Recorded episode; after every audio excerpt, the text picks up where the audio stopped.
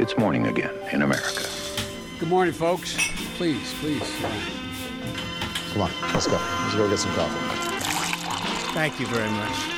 Det er fredag 16. mars, og morgenkaffen fra amerikanskpoliti.no er servert. Ifølge Washington Post og flere andre skal president Donald Trump ha bestemt seg for å bytte ut sin nasjonale sikkerhetsrådgiver, Herbert Raymond McMaster, bedre kjent som H.R. McMaster. Det spekuleres i at Keith Kellogg eller John Bolton er tenkt som erstatter, men timingen er fortsatt uviss her.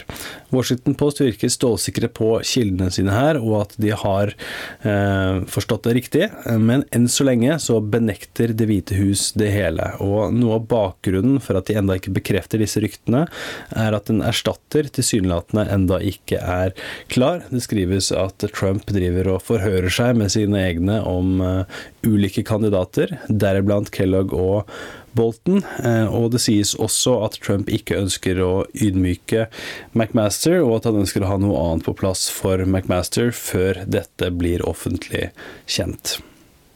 Spesialetterforsker Robert Mueller, som leder denne Russland-etterforskningen, har stevnet Trump Organization med krav om at organisasjonen overlever alle dokumenter som har noe som helst med Russland å gjøre.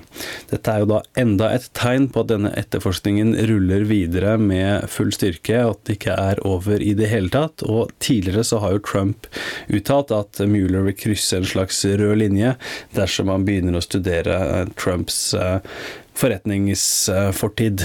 Så dette er jo eh, en spennende sak. Det er en av disse røde trådene i Trumps tid som eh, president, som vi bare kan følge med på, ettersom da Mueller nøster videre her.